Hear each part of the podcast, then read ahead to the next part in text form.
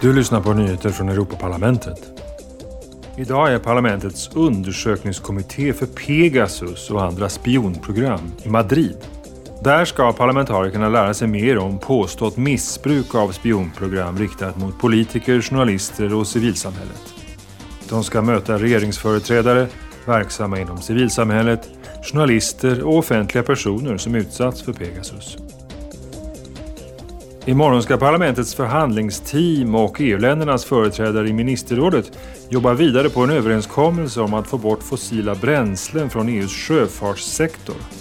De ska se efter om det finns sätt att minska växthusgasutsläppen från fartyg, öka användningen av förnybara bränslen och hjälpa sektorn att bidra till EUs mål om klimatneutralitet senast 2050. Parlamentets budgetkontrollutskott röstar imorgon om det så kallade ansvarsfrihetsförfarandet för budgetåret 2021.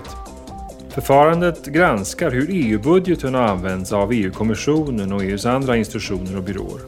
Utskottet ska alltså godkänna EU-institutionernas räkenskaper för budgetåret 2021. Med andra ord, de ska bevilja deras ansvarsfrihet.